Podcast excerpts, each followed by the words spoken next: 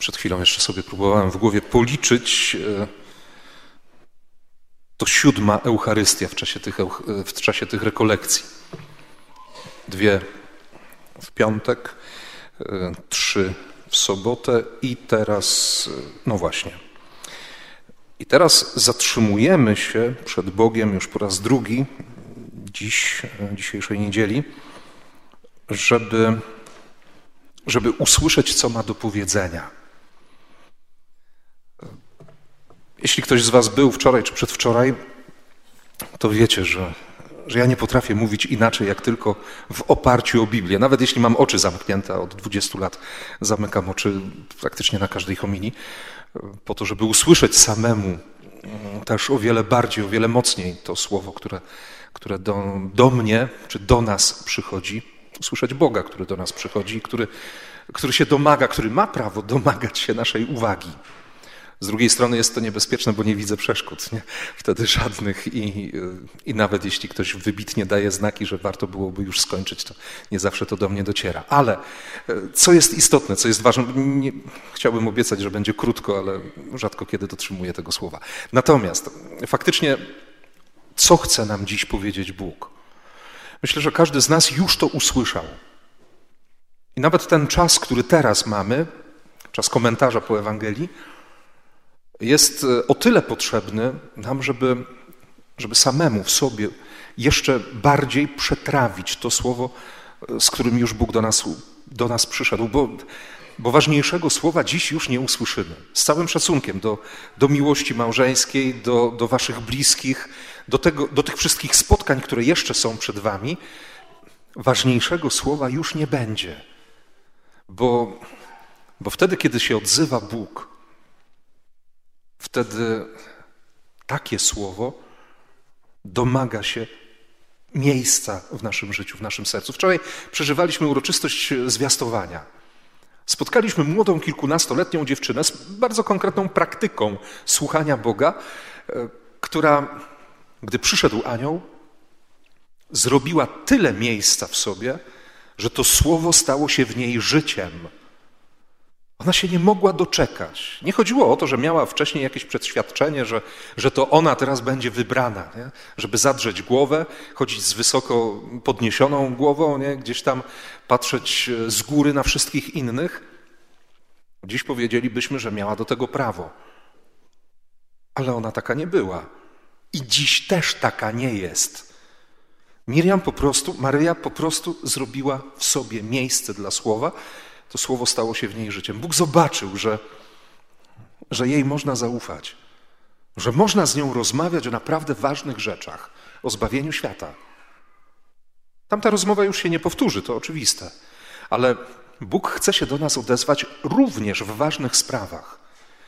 O tym mówi dzisiejsza Ewangelia bardzo mocno, choć przeczytałem wersję krótszą tej Ewangelii i uciekło nam jedno też bardzo istotne spotkanie w tej Ewangelii to, to myślę, że każdy z nas, kojarząc już, e, na czym polega ten jedenasty rozdział Ewangelii Jana, e, cała sytuacja ze śmiercią Łazarza, z tym, co się dzieje w jego najbliższych, w jego siostrach, w Marcie, w Marii, te pytania, które one mają w sobie, nie? skoro skoro Jezus jest przyjacielem domu, bo on rzeczywiście często do nich zagląda, e, rozmawiają o wszystkim.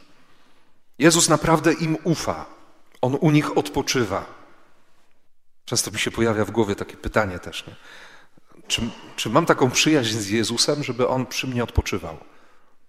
Oczywiście ktoś może powiedzieć, przecież Bóg nie potrzebuje odpoczynku. No, zaglądamy do Księgi Rodzaju, do stworzenia świata i czytamy nagle, że, że po całym dziele stworzenia Bóg zaczął odpoczywać. Tyle, że ten odpoczynek Boga, ten szabat, nie polegał na tym, że Bóg założył nogę na nogę, rozsiadł się wygodnie na jakiejś przysłowiowej kanapie, o której papież Franciszek dzisiaj będzie mówił, że, że trzeba z tej kanapy jednak zejść, a święty Jan Paweł II powie, żeby jeszcze takie wygodne buty sobie założyć, bo całe życie jest do przejścia i długą drogę mamy przed sobą. Nie chodziło o to, że się Bóg rozsiadł, popatrzył na wszystko, powiedział: Jest dobrze. Bo wiemy, wiemy też, że w tym szóstym dniu stworzenia jeszcze, jeszcze Bóg nie mógł powiedzieć, że jest dobrze. Jak stworzył mężczyznę, to niektórzy tak złośliwie lekko mówią, Pan Bóg stworzył mężczyznę, ulepił go z tego prochu ziemi, nie tchnął w jego nozdrza tchnienie życia. Mężczyzna się pojawił, jakoś tam się zaczął ogarniać trochę, Bóg patrzy na niego i mówi, no nie jest dobrze, żeby mężczyzna był sam. Ale niektórzy zostają tylko w tym pierwszym, w tej pierwszej części, znaczy panie niektóre zostają w tej pierwszej części, patrzą na mężczyznę, no nie jest dobrze, nie? Trzeba by coś jeszcze poprawić. Może dlatego też Biblia bardzo tak wyraźnie mówi przy tej scenie, mm, kiedy Bóg wyrwał kobietę z boku Adama, i tam też e, tak dosłownie jest napisane, że to wejście, to miejsce, z którego Bóg wyrwał tę kobietę, e, Pan Bóg zaryglował, w przekładzie, w Wigilię Paschalną pewnie będziemy czytać nie, to scenę stworzenia świata i stworzenia człowieka. E, mówi się o tym, że Pan Bóg zapełnił to miejsce ciałem. Tam dosłownie jest napisane, Bóg zaryglował to wejście, żeby kobieta jak się rozejrzy, co Adam zrobił z rajem, albo czego jeszcze nie zrobił, żeby nie stwierdziła, że tu się nie da żyć i nie wróciła z powrotem. Nie? Tylko żeby się zabrali do roboty razem, żeby zaczęli współpracować. No i różnie to potem wygląda. Niektórzy nawet jeszcze powiedzą, że ten cały raj, to, to część tradycji żydowskiej tak mówi, ten cały raj trwał jakieś pół dnia. Potem się już się wszystko popsuło. Potem, potem zaczęliśmy myśleć po swojemu. Przez pierwsze pół dnia jeszcze byliśmy zgodni z myśleniem Boga.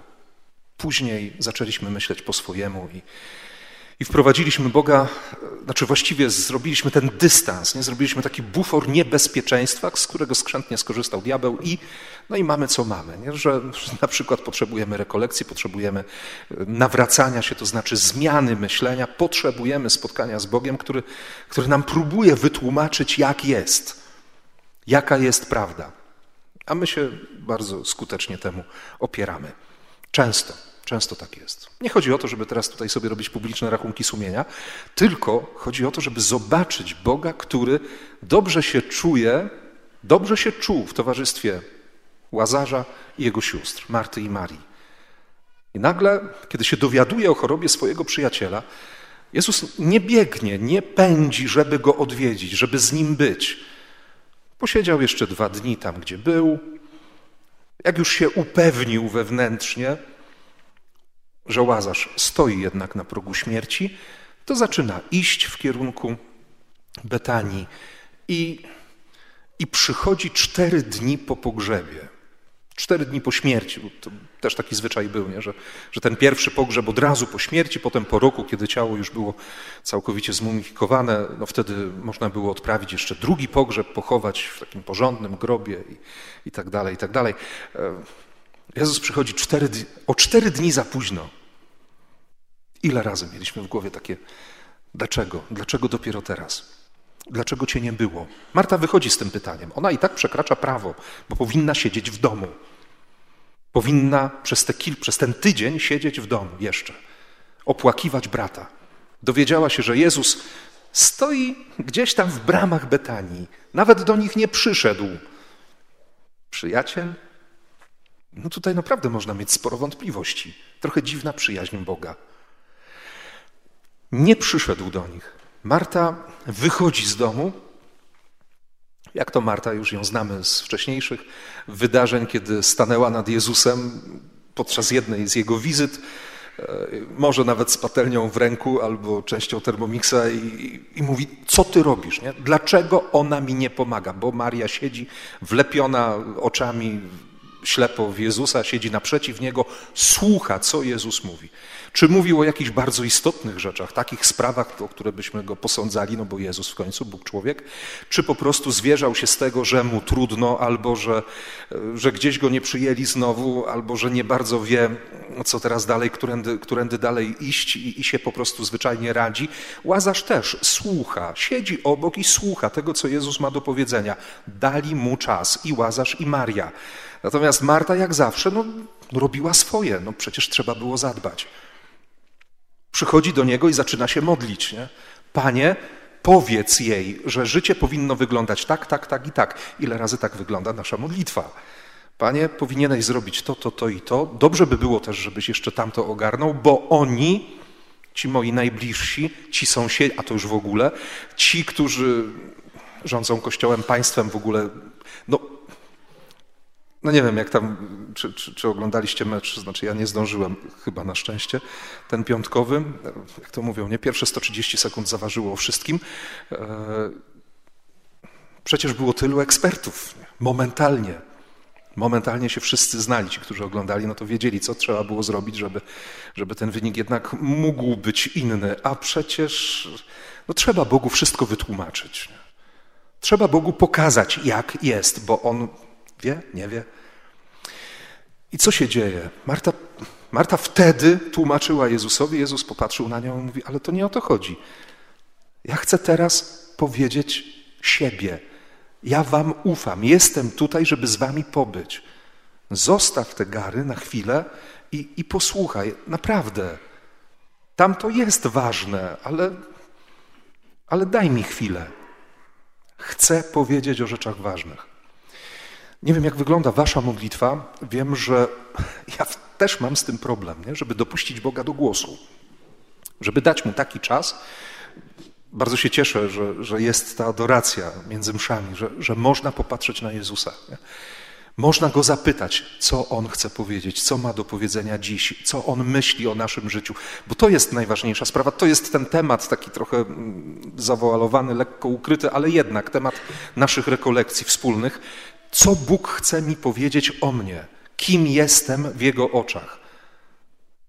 Żeby modlić się wtedy, kiedy odmawiasz pacierz, poprosić też, Boże, pokaż mi, kim jestem, jak Ty na mnie patrzysz. Bo się może okazać, że to, jak ja siebie widzę, a w ogóle jak już widzę innych, mija się, totalnie się mija z tym, co Bóg myśli o nas. Dlatego potrzebujemy, potrzebujemy postawy Marii. Ale no właśnie, Marta wychodzi, zaczynają z Jezusem rozmawiać. No zaczyna się ta modlitwa od, od trudnych słów. Gdybyś tu był, dlaczego? Dlaczego cię nie było? Dlaczego mi się to wszystko przydarzyło? Dlaczego mi się to przytrafia? Nie? Dlaczego tak wygląda moje życie? Dlaczego wszyscy inni mają. Dlaczego? Dlaczego? Dlaczego? Jezus nie odpowiada dlaczego.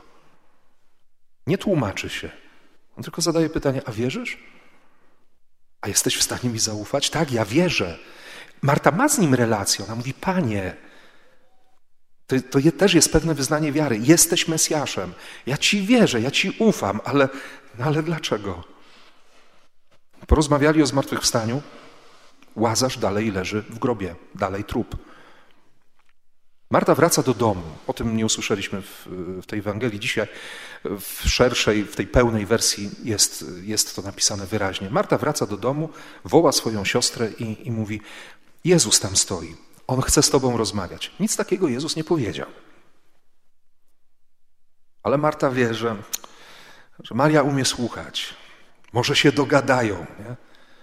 Może innych Pan Bóg wysłucha, jak już mnie tak bardzo nie słucha.